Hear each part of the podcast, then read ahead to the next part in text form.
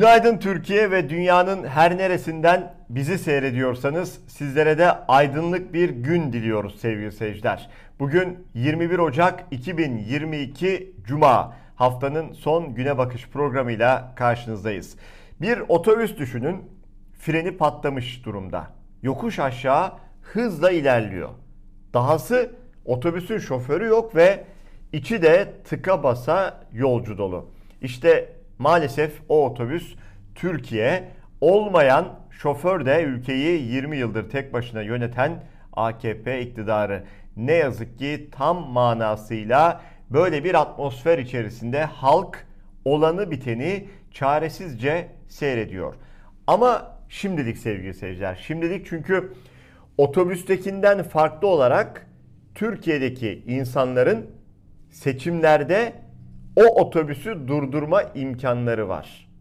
Biraz geç de olsa oylarıyla durdurabilecekler ve o hasardan belki dönülmüş olacak. Özellikle ekonomi, ekonomideki tablo tam da böyle.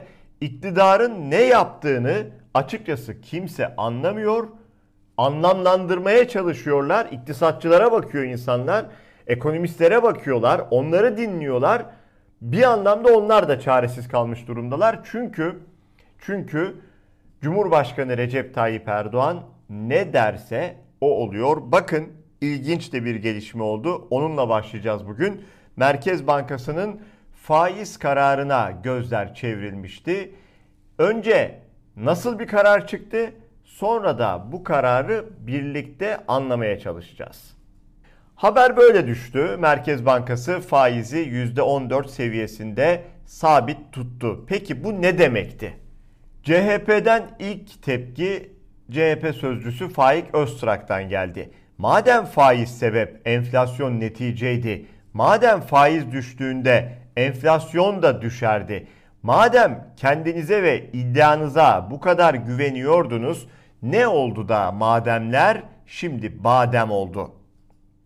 Merkez Bankası'nın eski başkanı Durmuş Yılmaz şöyle bir yorumda bulundu. Enflasyonun nedeni faiz değil miydi? %50'ye yaklaşan enflasyonu düşürmek için faizin düşmesi gerekmiyor muydu? Demek ki neymiş? Enflasyonu düşürmek için Türk lirasının itibarını korumak gerekiyormuş. Evet, soralım tekrar. Model mi değişiyor? Ne oldu? Faiz niye indirilmedi? Gazeteci Murat Ağrel önemli bir noktaya dikkat çekmiş ve tabi burada Erdoğan'a bir gönderme var. Merkez Bankası faizi %14'te sabit tuttu. Demek ki haram helal sınırı 14. Yukarısı haram, aşağısı helal. Niye? Ne diyordu Cumhurbaşkanı Recep Tayyip Erdoğan? Nas hatırlatıyordu. Haram helal kısmından giriyordu olaya. Ekonomistler ne diyor? Bakalım Evren Devrim Zelyut. Yahu nas vardı niye faizi indirmediniz? Enflasyon 50'ye yürürken faizi 14'te tutmak politika yapmak demek midir diye soruyor. Ekonomist Mahve Eğilmez. Mahve Hoca'ya bakalım ne diyor? Hani faizi indirerek kuru yükseltecektik de ihracat artacak, cari açık düşecek, sonra da enflasyon inecekti. Yine model mi değişti? Ne oldu? Niye indiremedik faizi? Son iki yılımız kuru tutma çabasıyla geçti. Ne kuru tutabildik ne de enflasyonu. Bu uğurda harcadığımız zamanı, çabayı ve parayı yapısal reformlar için harcasak şimdiye yolun yarısını geçmiştik. Üstelik kurda enflasyon çok daha düşük bir düzeyde olacaktı demiş Mahve Hoca. Evet Mahve İlmez'in o son vurgusu, o harcanan para, harcanan zaman sevgili seyirciler. Kimin parası? Halkın parası. Bir de halkın cebinden doğrudan çıkanları düşünün. Dolaylı çıkanlar var, doğrudan çıkanlar var. Çarşıya, pazara, markete gittiğinde çıkanlar var. Gelen zamlarla çıkan var. Elektrik var, doğalgaz var, su var, benzin var, mazot var, LPG var. Çocuğun okul masrafı var Kira var sevgili seyirciler. Aidat var. Ne ararsanız var. Fakat cepte para yok. Para niye yok? Çünkü otobüsün direksiyonunda şoför yok. Otobüse yokuş aşağı maalesef gidiyor. Peki anketler ne diyor? son anket açıklandı. O ankete göre Millet İttifakı Cumhur İttifakı'nı geçiyor. Avrasya Araştırma'nın son anketine göre Millet İttifakı'nın oy oranı Cumhur İttifakı'nın 3 puan önünde çıktı. Ankette erken seçim yapılmasını destekleyenlerin oranı da %60 oldu. Avrasya Araştırma 9-14 Ocak arasında yaptığı anketin sonucunu açıkladı. Anket 26 ilde 1260 kişiyle gerçekleştirildi. Ankette katılımcılara sizce bir erken seçim yapılsa bunu hangi ittifak kazanır sorusu yöneltildi. Katılımcıların %35,6'sı Millet İttifakı, %32,3'ü Cumhur İttifakı yanıtını verdi. Ortada geçer diyenlerin oranı %22,1 olurken bilmiyorum yanıtını verenlerin oranı ise %10 oldu. Ve yine şu son ankette özellikle dikkat çekense %60'lık bir erken seçim isteyen kitle. Halk bir an önce sandığı önümüze koyun da gereğini yapalım mı diyor acaba? Bunu mu anlamalıyız? Herhalde bunu anlamamız gerekiyor en azından bu sonuçlardan. Cumhurbaşkanı Erdoğan geçen yaptığı bir konuşmada fedakarlık yaptığını söyledi. Yaptıklarını zamlar konusunda bakın Erdoğan'ın bu tırnak içi fedakarlık sözüne CHP lideri Kılıçdaroğlu tepki gösterdi. Fakirden fukaradan yana, garipten gurabadan yana hükümet hiçbir fedakarlık yapmamıştır. Hangi fedakarlığı yaptı? Hangi fedakarlığı yaptı? Eğer bir fedakarlık yaptıysa yani birilerine imkan sağladıysa gidin bakın dolarla ihale alanlar hepsi karlı. Garanti alanlar hepsi karlı. Bankada 1 milyon do, 1 milyon lira ta, tasarrufu olanlar, kur garantisi alanlar. Ya şu fakir fukaraların ödedikleri vergilerden alıyorsun, götürüyorsun onlara kur garantisi olarak ödüyorsun. Sonra da dönüyorsun adalettir, haktır, hukuktur bundan bahsediyorsun. Kendi yakınlarının, kendi akrabalarını, kendi dostlarının getirsin paralarını, dolarlarını, avrolarını getirsin, Türk lirasına çevirsin. Önce bu millete bir örnek olsun, bir görelim bakalım.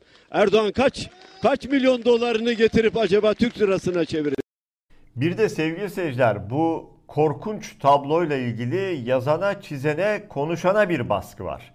Sokakta mikrofon uzatana konuşana yani halka anında gözaltı veya soruşturma var, bir korkutma var. Yine gazetecilere baskı, ekranlardaki isimlere baskı, gazetede yazanlara baskı, köşe yazarlarına, yorumculara baskı.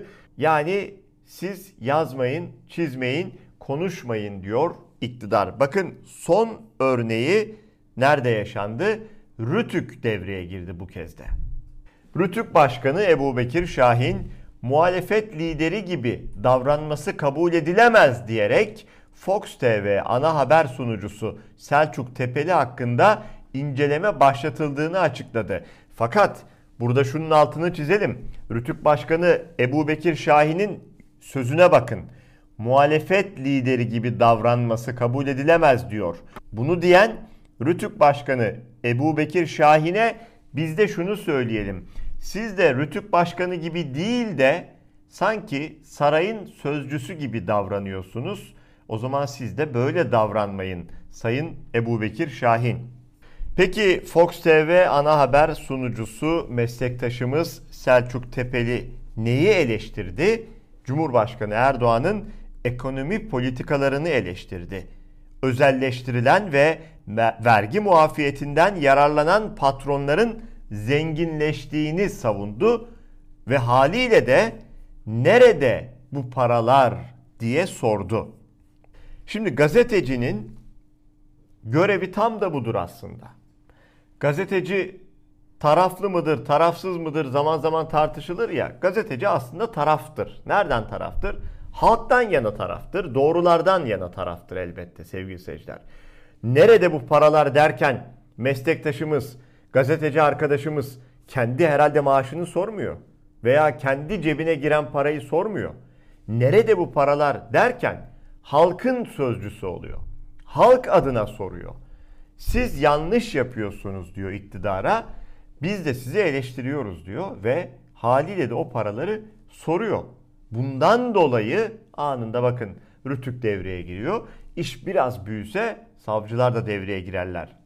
Öyle bir talimat geldiği anda elbette.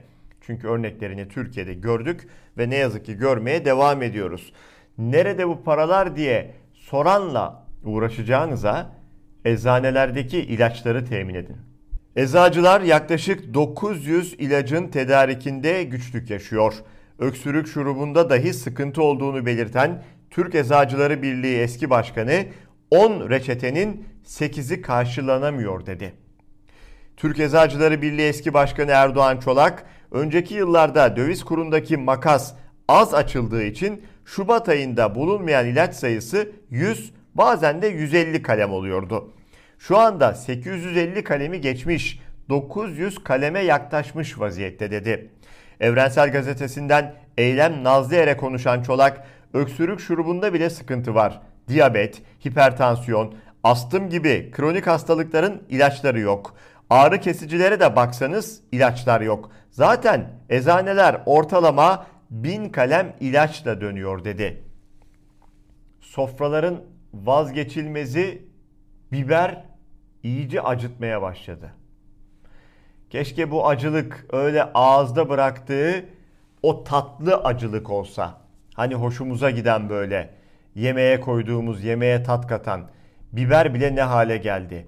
Pazarcılar anlatıyor sevgili seyirciler. Biberi demet halinde 250 gram olarak yapıyoruz ve bunu da 5 TL'ye vatandaşımıza satıyoruz diyorlar. Kiloyla alan nadir. Eczanede ilaç yok.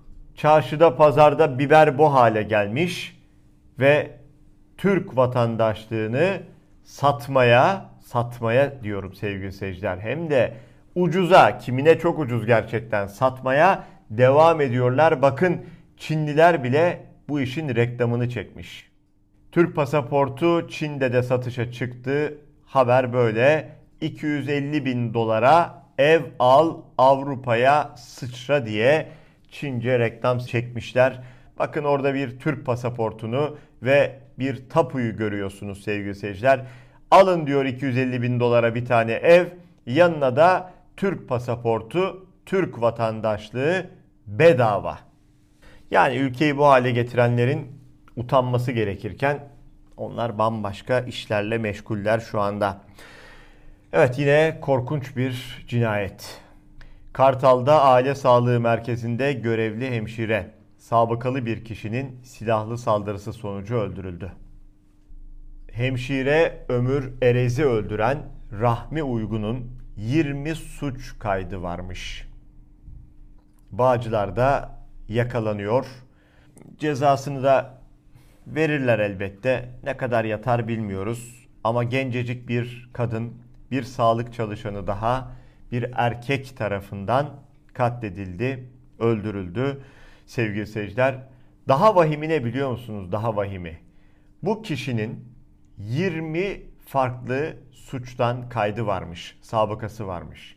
20 ayrı suçtan sabıkalı biri elini kolunu sallayarak ülkede dolaşıp bir sağlık çalışanı kadını öldürebiliyor. Ve bu korkunç vahşet yaşandıktan sonra şimdi belki ceza verecekler. O da kamuoyunun baskısıyla. Peki 20 sabıkası varken neredeydiniz ey yargı mensupları diye buradan sormuş olalım. Son iki yıldır da hayatımızın bir parçası haline gelen Covid sevgili seyirciler. Pandemi, hastalanıyoruz, iyileşiyoruz, maskesiz gezemiyoruz. Aşı tartışması var bir yandan da. Aşıyı olanlar var. Olmayı reddedenler var. Bakın aşıyla alakalı bir haber. Aşı olmayan ve bağışıklık kazanmak için isteyerek Covid'e yakalanan Çek şarkıcı Hana Horka hayatını kaybetmiş. Evet bu haberle birlikte hem bugünün güne bakışını hem de böylece haftayı tamamlamış oluyoruz. Önümüzdeki hafta pazartesi günü yine Türkiye saatiyle sabah 9'da bu ekranlarda buluşmak üzere. Hoşçakalın.